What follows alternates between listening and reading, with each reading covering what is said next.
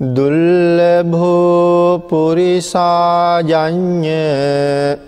නසෝ සබ්බත්ත ජායති යත්ත සෝජායති ධීරෝ තංකුලං සුකමේදතිති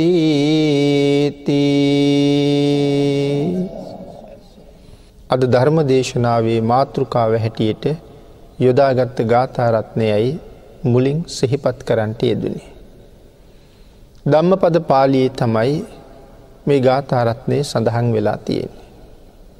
අපි නැවත සිහිපත් කළොත් දුල්ලභෝ පුරිසාජඥ නසෝ සබ්බත්ත ජායති යත්තසෝ ජායති දීරෝ තංකුලං සුකමේදති. මේ ගාථාරත්නයේ සරල තේරුම පුරුෂ අජානීය තෙමේ බොහෝම දුර්ලබයි දුල්ල බෝ පුරිසාජඥ පුරුෂාජානීයෝ බොහොම දුර්ලබයි. නසෝ සබ්බත්ත ජායිති. ඒ පුරුෂ අජානීය තෙමේ හැමතැනම නූපදින්නේය. යත්ත සෝ ජායති දීරෝ. හෙතෙම යම් කුලයක උපදී නං තංකුලං සුක මේදති. ඒ කුලය සැපයෙන් වැඩෙන්නේය කියලා සඳහන් කරනවා එක තමයි මේ ගාථාරත්නය සරල තේරුව. අපි භාග්‍යතුන් වහස වැඩඉන්න කාලේ බුදුරජාණන් වහන්සේගේ අග්‍රූපස්ථායක ආනන්ද ස්වාමීන් වහන්සේට විවේක වෙලාවක සිහිපත්වෙනවා අපේ බුදුරජාණන් වහන්සේ හස්ති අජානීයෝ පිළිබඳව දේශනා කරලා තියෙනවා. අශ්ව අජානීයෝ පිළිබඳවත් දේශනා කරලා තියෙනවා. වෘෂභ අජානීයෝ පිළිබඳවත් දේශනා කරලා තියෙනවා. ඒ අය උපදින්න කොහෙද කොහෙද කියන කාරණාවත් භාගිතුන් වහස දේශනා කරලා තියෙනවා. එනිසා සඳහන් කරනවා මේ හස්ති අජානීයෝ චද්දන්ත කොලෙහි හෝ උපෝසත කොලෙහි උපදිනවා කියලා. අශ්වාජානීයෝ සයින්දව කුලෙහි හෝ වලාහකස්ස රාජ කුලෙහි උපදිනවා කියලා. වෘෂභාජානීයයෝ ඒ ඒ සුදුසු ප්‍රදේශවල උපදිනවා. නමුත් පුරුෂාජානීයෝ කොහෙද උපදින්න කියලා භාගිතුන් වහස දේශනා කළේ නෑන ඒක බුදුරජාණන් වහන්සේගෙන් මම අහල දැන ගණ්ඩුවන කියල කල්පනා කළා. දෙහෙම හිතල බුදුරජාණන් වහන්සේ විවේක වෙලාවක බුදුරජාණන් වහන්සේ ළඟට ගිහිල්ල බුදුරජාණන් වහන්සේට වැඳල මේ කාරණාව සිහිපත් කරලා අහනවා ස්වාමීනී පුරුෂ අජානීයෝ කොහෙද උපදින්න කියලා. භාගිතුන් වහස ඉතුරු තුන් දෙනා ගැනම කරුණු සඳහන් කළා නමුත් පුරුෂ අජානීයෝ උපදින්න කොහෙද කියලත් දේශනා කරන්න කියල ඉල්ලීමක් කළා. ආං ඒ වෙලා බුදුරජාණන් වහන්සේ සඳහන් කරනවා ආනන්ද පුරුෂ අජානීයෝ අනිත් අජානීයෝ වගේ උපදින්නේ නැහැ ඉතාම කලාතුරකින් උපදින්නේ. ඒවගේම හරි දුර්ලබයි ඉතාමත්ම දුර්ලබයි. වෙන වෙන තැන්වල උපදින්නෙත් උපදින්නෙත් නෑ. එනම් පුරුෂාජානීය උපදින තැන සඳහන් කරනවා දෙගින් හා පලලින් යොදුන් තුන්සීයක් හා යොදුන් දෙසිය පණහක් පමණ පලලින් යුක්ත වූ නැතැන් වටින් යුක්ත වූ. යොදුන් නවසේයක් පමණ සම්පූර්ණයෙන් ප්‍රමාණය ඇති.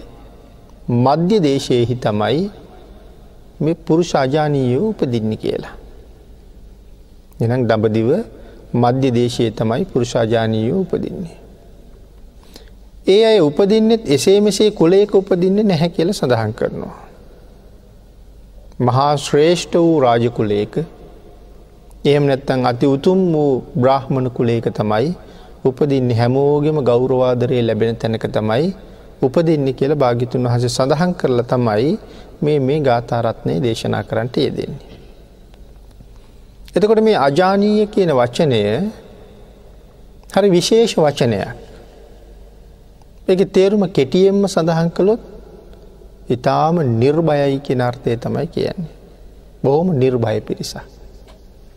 එතකොට මේ අජානීය හස්තීන් ගැන සඳහන් කළා අශ්වය ගැන සඳහන් කළා ෘෂභයෝ ගැන සඳහන් කළා පුරුෂයෝ ගැනත් සඳහන් කළා හැබැයි අංගුත්තර නිකාය සඳහන්ගෙනවා සීහ කියල සූත්‍රයක්. අංගේ සීහ සූත්‍රයේ සඳහන් කරනවා අජානීය සිංහ කියල පිරිසක් පිළිබඳවත්. මෙතන අජානීය සිංහයා ගැන කතා කරලා නෑ තවත් ඒ අජානීය සතෙක්. එතවට නිර්භයයි කියෙන කාරණාව සඳහන් කළා. හරි දුර්ල බයි කියලත් සඳහන් කළා. අජානීය පුරුෂයෝ විශේෂයෙන් මධ්‍ය දේශය පහළ වෙනවා. ඒ ඇන්නේ සාමාන්‍ය අයට වඩා බොහොම ශක්තිමත්. ඉතින් එහෙම අජානීයෝ පහළ විච්ච රටක් තමයි අපි මේ ලංකාව කියල කියන්නෙත්. එතකොට තව කෙනෙකුට ප්‍රශ්නයක් නැගින්ට පුළුවන් එතකොට ඇයි මධ්‍ය දේශය ගැන විතරක් සඳහන් කළේ කියලා. එතන ඊට වඩා ලොකු සුවිශේෂ බවක් තියෙනවා. එක පිළිබඳව අපි ටිකක් සාකච්ඡා කරමු. එතට ලංකාවෙත් එහෙමනං පුරුෂාජානීයෝ පහළ වෙලා තියෙනවා. කවද ලංකාව හිටපු පුරුෂාජානීයෝ. සාමාන්‍ය මිනිස්සුන්ට කරන්න බැරිදේවල් කරපු අය. එකන අමාරුවෙන් කරපු අය නෙමෙයි ඉතාම පහසුවෙන් කරපු අය. ලංකාව පහළ වෙච්ච පුරුෂාජානීයෝ පිළිබඳව සඳහන් කළුත් දොටු ගැමුණු මහරජතුමා. ඒ වගේම මහරජ්ජුරුවන්ගේ එකොළොස් මහයෝදයෝ ඒ පුරුෂාජානීයෝ ගනයට අයිති වෙන්නේ. ගොද සාමාන්‍ය අයට කරන්න බැරි දේවල් කළා. සමහර යෝධයෝ යුද්ධට ගියේ කරත්තයක් උත්සගෙන. ගවය ලෙහෙල මුදාහරපු කරත්තයක් අරගෙන තමයි යුද භූමීටිගී. ගිල වෙන ආයුධනය කරත්තය තමයි සතුරු මැද්දට පැනල කැරකවන්නේ. දස් ගනන් මැරෙනවා. තේරපුත්තා බේවාගේ යෝධයෝ යුද්ධට ගියේ යගදාවක් කරගෙන. ඒ යගදාව තමයි අතරට ගිහිල කරකවන්නේ. ගෝටයිම්බර කියලා පියහල තින බොහොම මිටි කෙනෙක් නමුත් යුද්ධයට ගිහිල්ල තියෙන්නේ පොල් ගහක් අරගෙන පොල් ගහක් ගලෝලා කර්ටය කරලා විසි කරලා පොල් ගහ තමයි අරන්තියන පොල් ගහ තමයි කරකවන්නේ. මහා සෝන යුද්ධයට ගිහිල්ල තියෙන යන ගමන් තල් ගහක් ගලවගෙන තල් ගහ තමයි යුද භූමීට අරංගිහිල්ල තියෙන්නේ. එතකොට මේක හිමින් කැරකෙව්ව නං ඇගේ වදින් දෙනකොට අනික් අයට නැමෙන්ඩ පුළුවන් දුවන්ඩ පුළුවන් බේරෙන්න්න ක්‍රම ගොඩක් තිබුණනේ ද අපිට හිතනවන පොල්ගහ කොහොමද කරකවන්න කියලා. නමුත් සඳහන් කරන මේ පොල්ගස් තල්ගස් කරකෝල තියෙන්නේ අනික් අයට පේන්නේ නැතිවේගෙන්. ඒ නිසා ඔළුව වැදිල ඔළුව ගැලවි ගැලවි විසියනවා මිසක් මේ මොකක් නිසා ගැලවෙනෝද කියන කාරණාව අනික්කට හිතාගණ්ඩුවත් බෑ. එනම් සාමාන්‍ය පුද්ගලයන්ට කරන්න බැරි දේවල් කරපු මහා ශක්තිවන්තයෝ. එතකොට අජානී ආශ්ව ඒ කාරණාවත් අපිට හිතාගන්න බැරි තැනක මේ නිර්භය භාවය වගේම අන්න අයට හිතාගන්න බැරි තැනක තමයි මේ කරුණු තියෙන්නේ. අනිත්තක තමයි විශේෂයෙන් මෙතන සඳහන් කරනවා මේ අයි පහළ වෙන්න මහා පුුණ්‍යවන්තයෝ ඉන්න කාලෙට කියලා. එතට මේ අජානී අශ්වයාට හොඳට සල කණ්ඩෝනේ එම සැලකුවෙනත්තන් ඇ වැඩ කරන්නේ නෑ. ගොදය බොහොම වංසවත් කෙනෙක්නේ.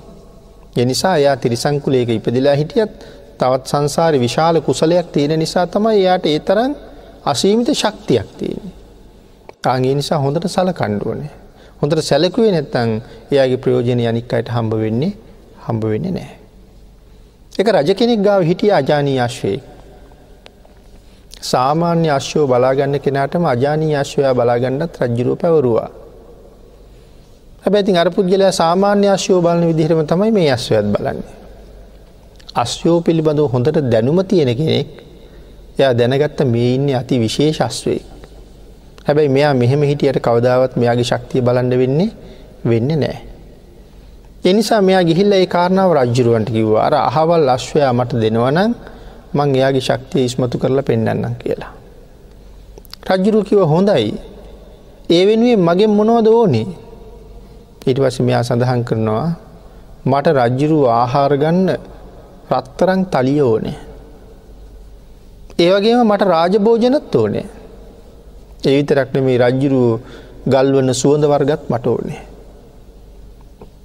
ඒටික රජ්ජිරුවන්ගෙන් ලබාගෙන අශ්වයාගාවට ගිහිල්ල අර රජ්ජුරුව දුන්න සුවඳ අශ්වයාගාව විහි දෙන්න ඇරියා.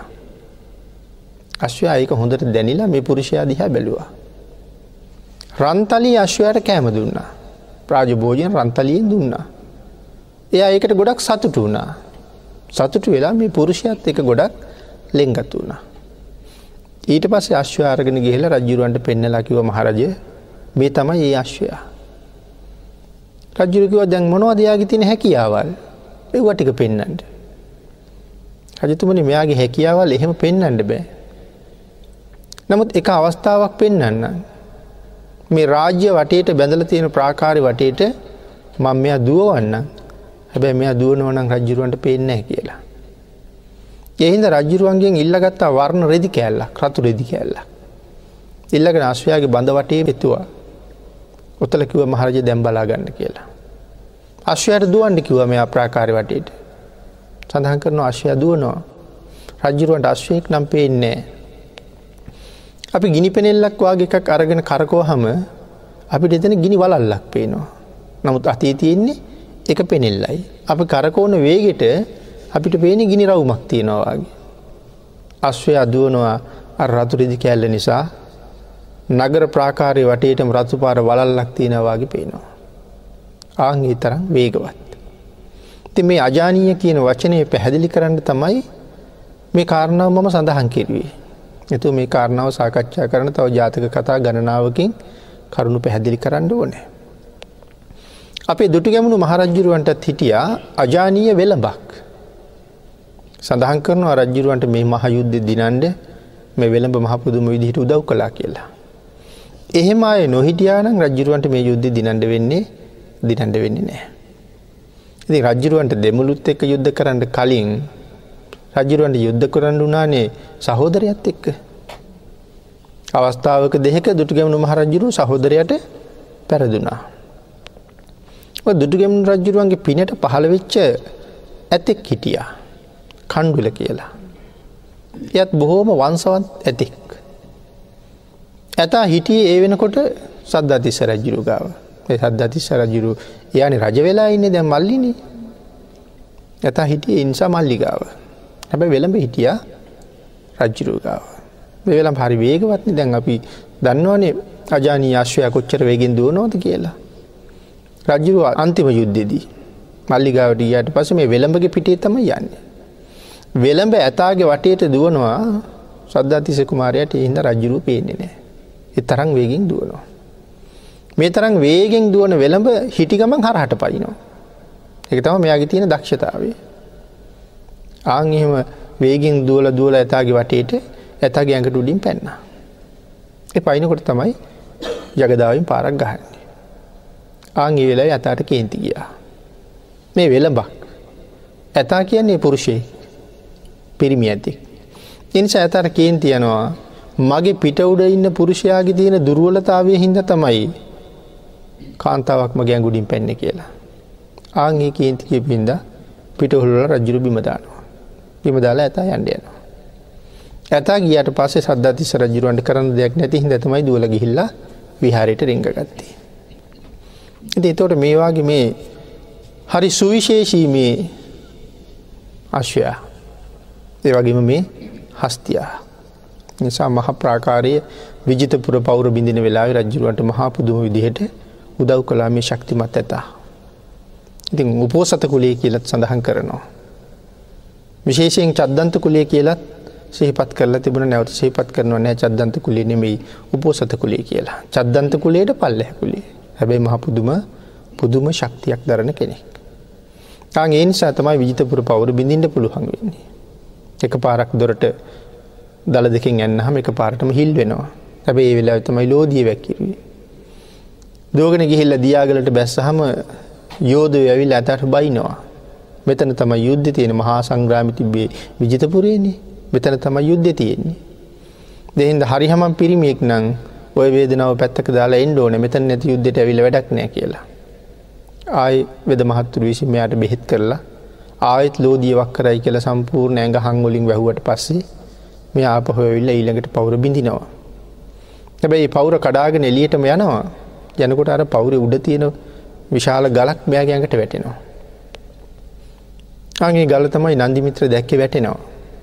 ඒල සඳහන් කරන බොහොම ඇත ඉඳලා අහසට පැනනගල ඇවිල්ලා තමන්ගේ උරපත්තෙන් ගහලා අර මහ පවුර කුඩු කෙරුව කියලා ඇතගේ පිට වැටෙන එක. ඒවෙලා තමයි අර හිතේ තිබිච්ච කේන්තිය නැති වුණේ මෙ දෙන්න අතර පොඩි ගැටුමක් තිබ්බා. ඒ ගැටුම නිසා කේන්තියක් තිබුණා. ඉතින් ඒ වෙලා බොහෝම සෙනෙහ බර විදිහට නන්දිමිත්‍රගේ මූුණ දිහා බැලුව කියල සඳහන් කරනවා. ඔබ මහන්සි වෙන්න එපා. මං කඩාපු තැනින් අපි දෙන්නම යං කියනවාගේ. නමුත් නන්දිමිත්‍ර සඳහන් කරනවා නෑ. තිරිසනෙක් කඩාපු තැනකින් යනවද මම? කියලා එයත් පවුර බිඳගෙනම තමයි යන් ඉතින් මේ මේවාගේ අය මේ අජානීය කියන වචනය විස්තර කරන්න අපිට ගණ්ඩ තියෙන උදාහරණ. එහෙම නැත්තන් අපිට මේක තේරෙන්නේ. එතකොට අපේ රටේ නීල මහයෝධයා මේ අයගේ මේ කායික ශක්තිය වගේම පෙර මහා පුුණ්‍ය ශක්තිීන් තියෙනවා. මහා සාගරයේ දෙබෑවෙන්ඩ යගදාවකින් පහරක් ගහන්ඩ තරන් මොන තරං ශක්තියක් තියෙන්ඩෝ නැද. මේ කාරණාව තේරෙන් නැතිකොට ඒ පුුණ්‍ය ශක්තියත් එක්ක එතකොට අපිට හිතනවා මෙව නිකම් මේ අති ශෝක්තියට කියන කාරණාද කියලා. නෑ එහෙම මහා ශක්තිවන්තයෝ පහළ වෙලා තියෙන එකයි මේ විදිහි භාගිතුන් වහස මේ දේශනාවල් කරලා තියෙන්නේ. වෘෂභාජානීයොත් එහෙමයි. තමන්ගේ ස්වාමියයාට මොනවද හිතෙන්නේ ඒ හිතන පැත්තට එයා යනවා. අමුතුවෙන් එයා හරවන්ඩෝනෙ නෑ ස්වාමියයට හිතනවනන්ද දකුණට යන්ඩෝන කියලා එය දකුණට හෙල්ලා පුරුවට යනවා. පාරි මේ පැත්තේ මෙහෙම අයිනෙන් යන්ඩෝන කියල හිතුනහම එය ඒ පැත්තට හෙල්ලා එහෙම අයිනෙන් යනවා. ඉතින් ආං එහෙම සුවිශේෂී අය. එතකොට ජම්බුද්ධීපය පහළ වුණා මහා සටන්කාමින් තුන් දෙනෙ. දස් ගානක්කාවත් තනියම යුද්ධ කරනවා. කෞද ජම්බුද්ධීපය පහළ වෙච්ච මහා සටන්කාමී. එක්කෙනෙක් කොසල් රජ්ජුරුව අනිත් එක්කෙන බන්දුල මල්ල තව එක්කෙනෙක් මහාලිලිච්චවී. මේ තමයි ජම්බුද්ධීපය හිටපු මහා සටන් කාමින්තුන් දෙෙන. එක මං සඳහන් කළේ දහස් ගානක්කාවත් තනියම යුද්ධ කරන්න පුළුවන් හැකියාවක් තියෙනවා. එතකොට එහෙම හැකියාවක් අරගත් අනික් අයට වඩා ඉතාම විශේෂ නිසා. ඊළඟට අජානීය අශ්වයා ගැන සඳහන් කරනකොට පැහැදිලි කළා දුවනවේගේ කාටුවත් පේන්නෑ කියලා. අජානීය හස්තියත් ඒ වගේම ඒ වගේම තමයි. සමහරලාට වලාකුළු අතරින් තමයි ඒ ගොල්ලු ගමන් කරන්නේ තරම් මහා පුුණ්‍යවන්තයි සහ මහායුරදිවන්තයි. සක්විති රජවරුන්ටත් පහළ වෙනවා අජානීය හස්තිීන්. ඇතා පරීක්ෂා කරන්න ඕන වෙච්චහම උදේට කෑම බෙදනකොට ඇතාගේ පිටූඩ නැගලා රජ්ජුරු අධිෂ්ඨානයක් කරනවා මට ලෝක වටේ ගිහිල්ල එන්ඩ ඕන කියලා. සඳහන් කරන උදේ කෑම බෙදනකොට තමයි පිටත්වෙන්නේ. ඊළකට උදේ කෑම කන්න රජ්ජුරුව ලෝක වටයම රවුමක් ගිහිල්ල එනවා. එතකට මේ ඇතා මොන තරම් වේගවද්ද කියන කාරණාවල් අපිට වෙන විස්තර කරන්න වෙන ක්‍රමයක් නැති තර. දෙවගේම තව කායික ශක්ති තිබිච්චෝ බීම සේනලාවාගේ අය පිළිබඳව අති විශේෂ විදිහට අපේ අට කතාවල් වල වගේ ධර්මය තැන්තැන්ගොල විස්තර කරලා සඳහන් කරලා තියෙනවා. එතකොට මේ අයත් අයිති වෙන්නේ අජානීය ගනයට. එතකට අපි අංගුලි මාල මහරහතන් වහන්සේ. උන්වහන්සේ දුවන වේගෙත් එහෙමයි.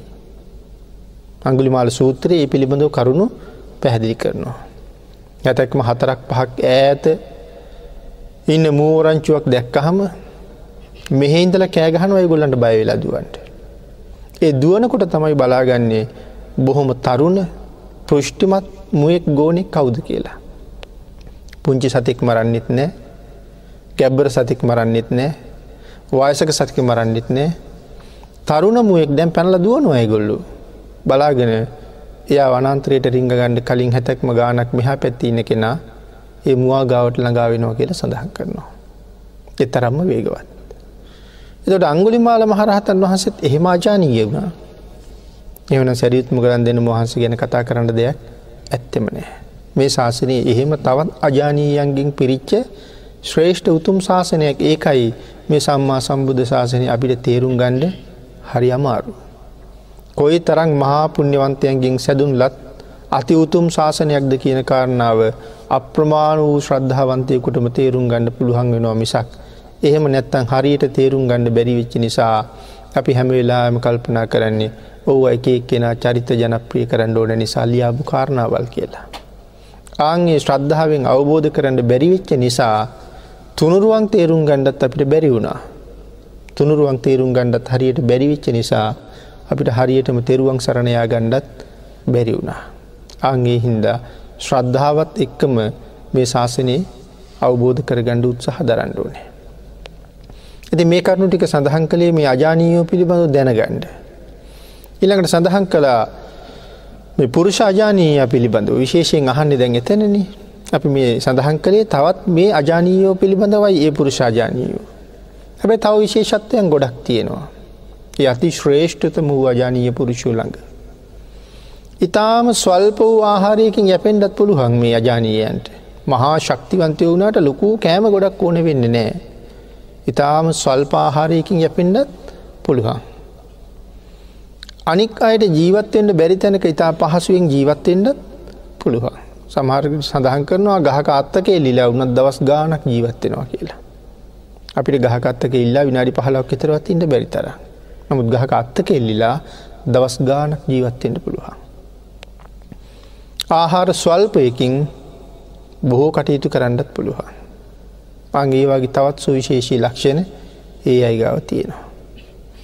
එතට පුරුෂාජානීයන් පිළිබඳව සඳහන් කරනට දුල්ල බෝ පුරුෂාජඥය පුරුෂාජන්‍ය තෙමේ ඉතාම දුර්ලබයි ලැබිය නොහැකි තැනකම උපදිනවා. නැත්තන් ඉපදීම ඉතාම දුර්ලබෝ සිද්ධ වෙන දෙයක්. ලැබීම අපහසුයි කෙළම සඳහන් කරන පුරුෂාජානීය. එතකට මෙතන මේ පුරුෂාජානීය කියල මේ සඳහන් කරන්න හදන්නේ බුදුරජාණන් වහස පිළිබඳව.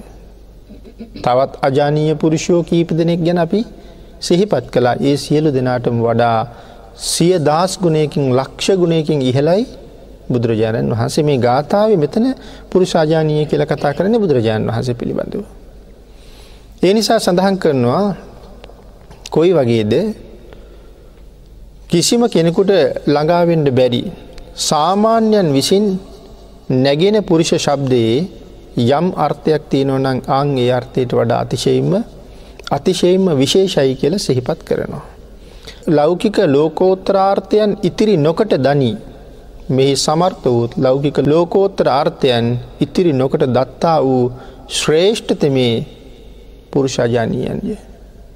ලෞකික ලෝකෝත්තර කිසිම දෙයක් ඉතුරු කරන්නේ නැතුවම දන්නවා. එතට බුදුරජාණන් වහන්සේ ලෞකිකත්වය පිළිබඳව භාගිතුන් වහන්සේ දන්න ඇති අහවල් කාරණාවක් තියෙනව කියල එකක් නැහැ. ලෝකෝත්තරාර්ථය පිළිබඳව බුදුරජාණන් වහන්සේ දන්න නැති දෙයක් තියෙනවා කියල දෙයක් එහෙම දෙයකුත් නෑ. එනම් භාගිතුන් වහන්සේ ඉක්මෝන්ඩ මේ ලෝකෙ කිසිම පුද්ගලෙකුට පුළුවන් වෙන්නෙත් නැහැ. බුදුරජාණන් වහන්සේගේ ඥානපතය භාගිතුන් වහන්සේගේ විෂයපතය නම් සක්කොල්වල් කෝටි ලක්ෂයක් නැතම් බුද්ධ රාජ්‍ය කෙලපි කතා කරන්නේ ඒකට ඉරවල් කෝටි ලක්ෂයක් හඳවල් කෝටි ලක්ෂයක් පායනවා. නමුත් ඥානපතය ගැන කතා කරනකොට. එතන සඳහන් කරන්නේ භාගිතුන් වහසේගේ උතුම් වූ සරුවඥතා ඥානය මොකක්ද කියන එක. ආංගතන පැහැදිලි කරනවා තවත් ලෝකෙ කොච්චරනං සක්කොලවල් තියෙනවාද. දැන් විශේපතේ හැටියට බුද්ධරාජ්‍ය හැටියට සක්කොලවල් කෝටි ලක්ෂයක්. මේ කෝටි ලක්ෂේ හැර තවත් කොයි තරන් සක්කොලවල් තියෙනවාද. ආංඒක විස්තර කරනවා මේ සක්වල පුරාම අබපුරෝනවා. කොච්චරක්ද යටින් අවිචයේ ඉඳලා උඩින් බවග්‍රේ දක්වා. එතකොට සක්කොලක හම අපිට නොපෙනෙන මානය ඉඳලමයි අබපුරෝලා තින අවිචයේ ඉඳලා. උඩින් බවාග්‍රේ දක්වා කියන අකනිටා බඹලෝ දක්වාම සම්පූර්ණම මේ සක්වල අබෝලින් පුරෝණෝ. කෙනෙක් සක්වලෙන් එලියට ගිහිල්ලා. එක අබෑටී ගානේ ඊළඟ සක්කොල්ලොල්ලොට දානවා. සක්වලින් එලියට ගිහිල්ල මේ සක්වලින් අභාරගෙන නැගෙන හිර පැත්තට තියෙන සක්කොළවල් ගාන යනවා. ජනකොට එයට හම්බෙන එක සක්කොලකට එක බැටී ගානි දානවා. එහෙම අබෑටේ අබෑටේ අබෑටේ දාගෙන දාගෙන ගියහම මේ කෝටි ලක්ෂයක් සක්කොල පුරෝලා තියෙන අබ ඉවර වෙනවා. නමුත් නැගෙන හිර පැත්තට තියෙන සක්කොලවල් ගාන ඉවරණය කියල සඳහන් කරනවා. එත තව සිව් දිසාවක් තියෙනවා සිව් දිසාවට ගේවත් ගේවත් නෑ. මේ සක්වලේ අබ ඉවරයි.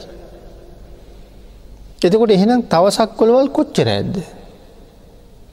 ඒ සක්කොලවල්ල සීමාවක් නෑ. නමුත් බුදුරජාණන් වහසගේ සරුවඥතා ඥානය කියල කියන්නේ. මේ මේ සියලුම සක්වල එකක් එකක් එකක් ගානි පිරික්සලා බලන්න පුළුවන් හැකියාවක් බුදුරජාණන් වහසට තියෙනවා. එතකොට හැකියාව මාස ගානක් ගිහිල්ලද සක්කුලවල් ගාන බලන්නේ. සඳහන් කරනවා ප්‍රාශ්වාස කරපු වාතය ආශ්වාස කරන්න කලින් අනන්ත සක්වල සියල්ලම බලනෝ කියලා. ඒ බලනවා විතරක් නෙමෙයි ඒ අනන්ත සක්වලේ මොන තරන්නම් ජීවීන් ඉන්නවාද. නිරයේ ඉඳලා දෙව්ලෝ දක්වාම.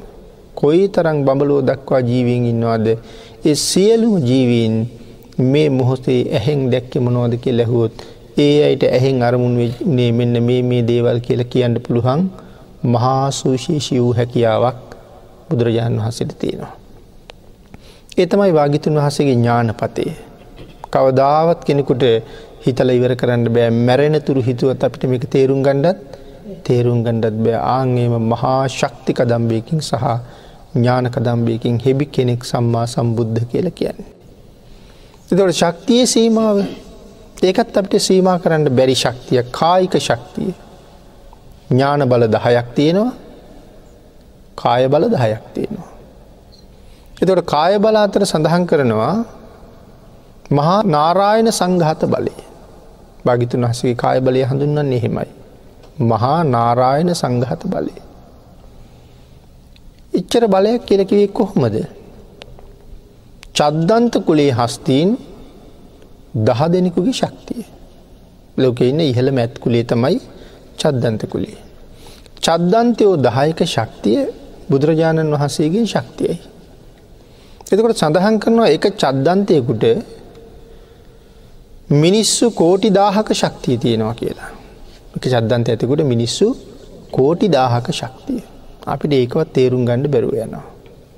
එතකොට ඒවාගේ ඇත්තු දහ දෙනෙකුගේ ශක්තිය කියලක හම බුදුරජාණන් වහන්සේගේ පියවි කායික ශක්තියම ඉර්දිමය ශක්තිය නෙමෙයි පියවි කායික ශක්තිය මිනිස්සු කෝටි දහදාහක ශක්තිය.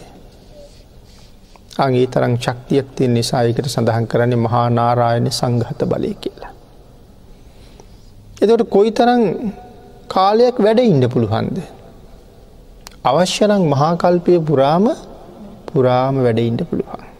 ඒ කාරණාවට මහාසීව කියන මහරහතන් වහන්සේ අට කතාවේ අපූරුවට කරුණු පැහැදිලි කරනවා. බුදුරජාණන් වහන්සේට ඒ අවස්ථාවක හැදෙනවා දරුණු ලෙඩ ප්‍රක්තාතිසාරය. නමුත් භාගිතන් වහන්සේ ඒක අධිෂ්ඨාන බලයෙන් මාස දහයකට මැඩ පවත්වනවා.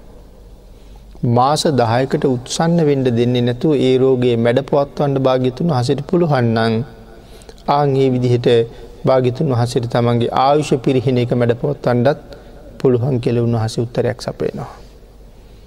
ඉති සමහර වෙලාවට භාගිතුන් වහන්සේමත් සඳහන් කරනවා සතර ඉර්දි පාද වඩාපු මේ උත්තමයන් වහන්සේලාට අවශ්‍යනං මහා කල්පෙම වැඩඉන්ඩ පුළුවන් කියලා.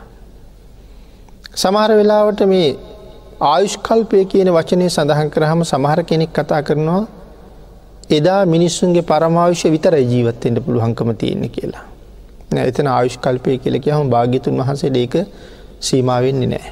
භාගිතුන් වහසට මහාකල්පෙන් වැඩඉන්ට පුළුවන්. ඒකයි මහසිව තෙරුන් වහසේ අප රුත්තරයක් එකට දීල තියෙන්නේ. එතකට තවත් කෙනෙක් සඳහන් කරන ආනන්ද ස්වාමීන් වහන්සේට භාග්‍යතුන් වහස මේ කාරණාව සඳහන් කරපු වෙලාවේ. ආනන්ද ස්වාමීන් වහස ආරාධන කලා නම් භාගිතුන් වහස අදත් වැඩ ඉන්නව නේද කියලා. මහාකල්පයක් වැඩඉන්ඩ පුළුවන් කාරණාව ඇත්ත. නමුත් ආනන්ද ස්වාමීන් වහන්සේ නමුත් ආරාධනා කලා නං බුදුරජාණන් වහන්සේ වැඩඉදීද කියල ප්‍රශ්නයක් අපට ඉතුරු කරලා තියෙනවා. ඒ වැඩයින්ට බැරිහින්දද වැඩයින්ට බැරිහින්ද නෙමෙයි. ආනන්ද ස්වාමීන් වහන්සේ ආරාධනා කරන්න ඉස්සරලා බුදුරජාණන් වහන්සේට මේ මහාකල්පයම වැඩයින්ට කියලා ආරාධනාවක් කම්බ වෙනවා. මහාකල්පයම වැඩයින්ට කියල කිවහම ඊළඟ අන්තර්කල්පය තවල උතුරා බුදු කෙනෙක් පහල වෙනවා. ඒ නිසා භාගිතුන් වහසේ මහාකල්පයම වැඩඉන්න නෑ කොහොමවා. එන මේ අන්තර්කල්ප වැඩඉන්ට පුළුවන්නේ. නමුත් ඒ ආරාධනාව ලැබුණත් වැඩඉන්නේ නැහැ මොකද මහා ප්‍රජාපතිී ගෝතමින් වහන්සේ පිරිනුවම් පාණ්ඩ අවසර ඉල්ලන්ඩ ඇවිල්ල භාගිතුන් වහසට ආරාධනාවක් කරනවා. ස්වාමීණී මම පිරිනිවම් පාන්න. එවනට භාග්‍යතුන් වහන්සේ ලෝක සත්‍යයා සනසෝමින් වැඩඉන්ඩුවන කියලා. ආංගේ ආරාධනාව භාගිතුන් වහස ප්‍රතික්ෂප කරනවා. දෙන ආනන්ද ස්වාමීන් වහසේ ආරාධන කළත් භාගිතුන් වහසේ ඉවසයි කියලා අපිට හිතන්ඩ හිතන්ඩ අමාරුයි. නමුත් අවශ්‍යනං වැඩඉන්ඩ වැඩඉන්ඩ පුළුවන්. මහා කල්පයක් වැඩඉන්ඩ පුළුවන් කියලයි භාගිතුන් හස සඳහන් කරන්නේ. හැබැයි බුදුවරු දෙන්නෙක් කවදාවත් එකම කල්පයක පහළ වෙන්නේ පහළ වෙන්නේ නෑ. එකට හේතුවමකක්ද එතකොට. තැ අපි පහළ වෙන්නේ නෑ කියන කාරණාව නම් දන්නවා. කෝටි ලක්ෂයක් සක්වල එක බුදු කෙනු ග්‍යාඥා ශේෂත්‍රයේ. ඒ කෝටි ලක්ෂයක් සක්වලේ කොහෙවත් පහළ වෙන්නේ. පහළ නොවීමේ හේතුව තමයි සඳහන් කරන බුදුවරු දෙන්නෙක් උත්සන්ඩ මේ මහපොලෝට ශක්තිය නෑ කියලා. ආගේ කාරණාවනුත් මේ පුරුෂාජානීයන් කොයි තරං ශ්‍රේෂ්ඨත කියලා අපිට හිතාගන්න බැරුවයනවා. බුදුරජාණන් වහන්සේලා දෙනමක් දරන්ඩ මහපොලෝට ශක්තිය නෑ. මේ මහපොලෝ කොයි තරන්නම් බර දරාගනින්නවාද. ඒ කාරණාව අපිට හිතන්ඩ බෑ හැබැයි බුදුරු දෙන්නෙක් දරන්ට මහපොලොට ශක්තිය නෑ කියලම සඳහන් කරනවා. දැන් බුදුරජාණන් වහන්සේ රූපකයින් පිරිනුවම් පාලා. හුඟක් දෙෙන හිතන හැටියට බුදුරජාණන් වහස දැන් දැන් නෑ. හැබැයි භාගිතුන් වහසගේ ධර්මය හරියටම දන්න අයට බුදුරජාණන් වහසේ තාම් වැඩඉන්නවා කියලමයි හිතෙන්නේ. ඇයි භාගිතුන් වහසම එක දේශනා කරලා තියෙන නිසා. එතකොට අද බුදුරජාණන් වහන්සේ වෙනුවෙන් අපිට බොහෝ පින්කං කරගණ්ඩ වැඩඉන්න වටිනාම පූජනීය වස්තුව. ඒ තමයි භාගිතුන් වහසේ ශේෂ කරලා වැඩිය සරුවඥ ධාතුන් වහන්සේ. එන දැන් තවත් බුදුරජාණන් වහන්සේ නමකට මේ සක්වලේ පහළවෙඩ බැරිද. මේ බුද්ධරාජ්‍යය කොහැරි තැනක. එහෙමුවත් පහළවෙඩ බැරියයි. ධාතුන් වහන්සේ වැඩ ඉන්නවා කියල කියන්නේ බුදුරජාණන් වහන්සේ වැඩ ඉන්නවා කියන එකයි. එනම් තවත් බුදුරජාණන් වහන්සේ නමකගේ ධාතුන් වහන්සේ නමක් එහෙම ඒ බුද්ධාන්තරය තුළ වැඩ ඉන්නකොට තව ලෝතුරා බුදු කෙනෙක් රූපකයින් පහළ වෙන්නෙම පහළ වෙන්නෙම නෑ ඒ භාග්‍යතුන් වහන්සේත් මේ ධාතුන් වහන්සේත් සමානයි. එනම් ධාතුන් වහන්සේලත් මේ අජානීය පුරුෂයන් වහන්සේලා අපට අනුකම්පාවෙන් ඉතුරු කරලා වැඩල තියෙනවා.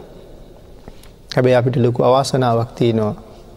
ඒ ධාතුන් වහන්සේලාගේ වටිනාකම අපි දන්න ඇති හින්දා හරියට මේයින් ප්‍රයෝජන ලබනෝද කියන කාරණාව අපවහි තැන්ටෝන. එහෙනම් පුරුෂාජානීයන් වහන්සේලා මහාසාර කුලයන්ගේම උපදිනවා.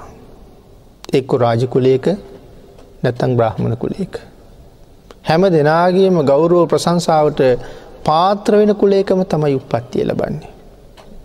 ආං එහෙම උපත්තිය ලබල ලෝක සත්වයා සුවපත් කර කර සුවපත් කර කර උන්වහන්සේලාගේ ආයු කාලයන් වැඩඉඳලා ලෝක සත්‍යයා සුවපත් කරන්න තවත් නොෙක් ආකාරයෙන් කටයුතු කරලා ධර්මරත්නය දීර්ඝ කාලයක් වඩා හිඳෝලා උන්වහසල පිරිනොම් පානවා. අල්පායුෂ්ක බුදුරජාණන් වහන්සේලා ධාතුන් වහන්සේලාද ඉතුරු කරනවා අපිට ප්‍රයෝජන ලබා ගැනීම සඳහා විශේෂයෙන් අල්පායුෂ්ක බුදුරජාණන් වහන්සේලා ධාතුන් වහසල විසරුවා හරිනවා. කෙටි ආවිෂයක් වැඩයින් උත්තමයන් වහන්සේලා. ඊළඟට මේ පුරුෂාජඥ නම් කියන කාරණාව තවත් ධර්මය සඳහන් කරනවා මේ වෘෂභාදීන් අතුරෙහි ජාතිමත් වූද කරුණු නොකරුණු දැනීමෙහි සමර්ථ වූද ස්වාමියාගේ අදහසට අනුව කටයුතු කරන්න වූද නිසා වෘෂභාජානීය කියල කියනවා. එතකොට අශ්වාජානීය හස්ති අජානීයත් ඒ ඒ විදිහට වෙන වෙනම වෙන වෙනම සාකච්ඡා කරලා විස්තර කරලා තියෙනවා. තකට මෙතන සඳහන් කරන විශේෂයෙන් යත්තසෝ ජායති දීරෝ පුරුෂාජානීයතමේ දීරෝ කියලකෙන මහා මහා ප්‍රඥාවන්තයි. තව කෙනෙකුට හිතාගණ්ඩවත් බැරි තව කෙනෙකුට ළඟාවෙන්ඩවත් බැරි තරම් මහ පුදුම ප්‍රඥාව. එනම් අනන්ත ලෝක දහතුන් පිළිබඳව දැනගණ්ඩ තින ඒ හැකියාව නවාරහදී බුදුගුණුවල මේ ලෝක ධාතු පිළිබඳව අවබෝධ කරගෙන තියෙන හැකියාව විස්තර කරන ගුණේ ලෝක විදූගුණේ. එතැන් තමයි භාගිතුන් වහසේට මේ අනන්ත ලෝක ධාතුන් දැනගණ්ඩ කොච්චර හැකියාවක් තියනවද කියන කාරණාව පැහැදිලි කරන අපූරු තැනක් ලෝක විදූගුණය විස්තර කරන තැන. එතකොට සඳහන් කරනවා තංකුලං සුකමේ තංකුලං ඒ කුලය මොන තරං සැපයට පත්වෙනවාද. සැපයෙන් සැපේටම පත්වෙනවා කියල සඳහන් කරනවා මේ පුරුෂ අජානීයන් ඉපදෙන ඉපදෙන කුලේ. සඳහන් කරනවා යම් දේශයක යම් කුලේක මේ පුරුෂ ශ්‍රේෂ්ඨයන් උපදින්නේ නම් ඒ දේශය ඒ කුලය සීල සමාධයාදී සම්පත්තීන්ගෙන් හා ධන සම්පත්තිීන්ගෙන් අනිකුත් හැමම සම්පත්තියකගෙන්ම අනුන වෙනවා කියලා. එනම් බුදුරජාණන් වහන්සේගේ කුලේ සාක්‍ය වංශයේ එකුලේ ඉතාම සැපේට පත්වෙනවා කියල කිවන්නේ. එන සාකයෝ කොයි තරම් ශ්‍රේෂ්ඨද. සාක්‍යයන්ගේ තිබිච්ච විශ්මිත හැකියාවන් කොච්චරද. ඒ දේවල් වෙන වෙනම ධර්මය සඳහන් කරනවා. සීලාදී ගුණයන්ගෙන් ඉතාම පෝසත් කියල සඳහන් කලායි කුලේ. එමනම් භාගිතුන් වහන්සේ අපිට නිරන්තරයෙන් ආරක්ෂා කරගණ්ඩ නිත්‍ය වූ සීලයක් දේශනා කළා. අපිට දේශනා කළේ පන්සිල්. ඒ අපිට පුළුවන් ප්‍රමාණය බුදුරජාණන් වහසේ දන්න නිසා. නමුත් කවදාවත් භාගිතුන් වහස අපිට දේශනා කළේ නෑ හැම දාමට සිල් රකිින්ට කියලා. පෝය දවසක පුළුවන් දවසක වීරිය ප්‍රමාණයට අටසිල් රැක ගණ්ඩ අපිට තහනමක් නෑ. ඒකට භාගිතුන් හස ඕන තරන් අවසර දෙනවා. වස්කාලවලට සමහර දායක මහත්තුරු ස්වාමීන් වහන්සේලාට වස් ආරාධනා කරගෙන දායක මහත්තයත් තුම් මාසයක් මට සිල් ගත්තා. එක්කො දස සිල් ගත්තා. පන්සිල්ලෝලට ඉහලට ගියා. සමහරදායක පිරිස් දෙමාසයක් සිල් ගත්තා. සමහරදායක පිරිස් තුන් මාසෙන් එක මාසයක්ම පන්සිල්ලෝට වඩා විශේෂ සීලයක් ආරක්ෂා කළා. තවත් සමහරදායක පිරිස් ඒ තුන් මාසෙන් දවස් පහළවක්ම පන්සිල්ලෝට අමතුරෝ විශේෂ සීලයක සීලයක හිටියා. එකෙන් අපි ඕන තරන් කෙනෙකුට උසස් සීලයක ජීවත්වෙන්ට පුළුවන්. අන් එහෙම සිල්ගන්න එකට සඳහන් කළේ ප්‍රාතිහාරය පක්ෂයේ සිල් සමාදන් වෙනවා කියලා. නමුත් භාගිතුන් වහස අපට නිත්‍ය කරලා දේශනා කළේ නැත්තේ ඇයි එනම් ඒ කාරණාවට උත්තර අපි ගවම තියෙනවා.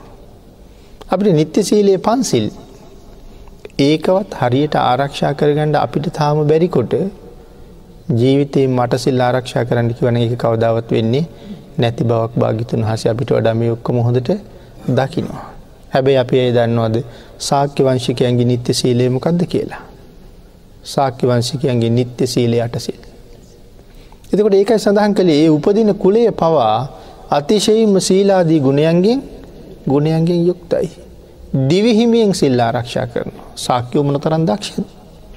සාක්‍යයන් එක යුද්ධ කරන්න පුළුවන් පිරිසක් මේ මිහි මත හිටිය නෑ කියල සඳහන් කරන්නේ. ඉතිගේ කරුණු ධර්මය වෙනම විස්තර කරනවා අපිට ඉතරං දීර්ඝ කාලයක් මේ සාකච්ඡාව කරන්න වෙලා නැති නිසා අපි හෙම කෙටියෙන් සිහිපත් කරමු.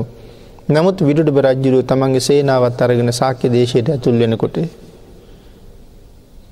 රජවරු කවදාවත් කල්පනා කළේ නෑ අපිත් යුද්ධ කරමු කියලා. අපේ දරුව මරණ බවත් දන්නවා. බිරින්දෑවරු මරණ බවත් දන්නවා. අපිත් මරණ බවත් දන්නවා නමුත් කිසි සේත්ම ප්‍රාණඝාතය සඳහා දුන්න කීතලයක් අතට ගත්තේ අතට ගත්තේ නෑ. ඒවගේම බොරු කීවෙත් නෑ.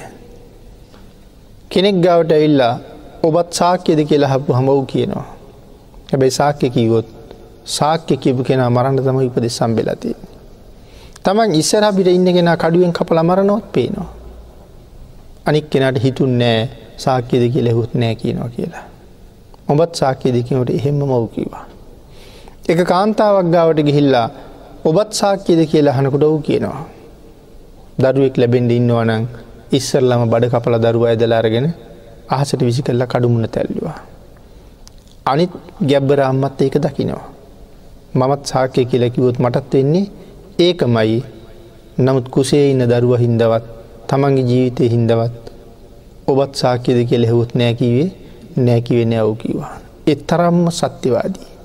එනම් මේ ශ්‍රේෂ්ඨ පුරුෂාජානීයන් උපදිච්ච කුලේ සීල සමාධ්‍යාදී මහාගුණ සම්පත්තිීන්ගෙන් යුක්තයි කියල සඳහන් කළේ ආගේ නිසා. මහෝත්තම වූ බුදුරජාණන් වහන්සේ උන්වහන්සේගේ උපද ඉතාම දුර්ලබයි. මෙතන කතා කරන්න හදන්නේ බුදු පියාණන් වහන්සේ. උන්වහන්සේගේ උපත පරමදුර්ල බයි කියන කාරණාව. එනම් ඒ පුරුෂ අජානීයාගේ උපත ඉතාහම දුර්ල බයි කියන කාරණාව සිහිපත් කරනවා. එක දේශයක එක් ජාතියක එක් කුලේක මිනිසුන්ගේ වැඩීමට සීමා වූයේ එනම් එක එක දේශයක එක ජාතියකු සීම වුණේ කියල සඳහන් කරනවා. ආං ඒ නිසා සීම වූයේ යැයි වරදවා නොගත යුතිය ඒ උපත දෙවියන් සහිත ලෝකයෙහි වැඩීමට කරුණ විය. එතකොට මේ මහාපුරුෂ අජානීයන් වහන්සේගේ උප්පත්තිය නිසා එක දේශයක් විතරක් සැනසුනා නෙමෙයි. එක කුලයක් විතර සැනසුනා නෙමෙයි.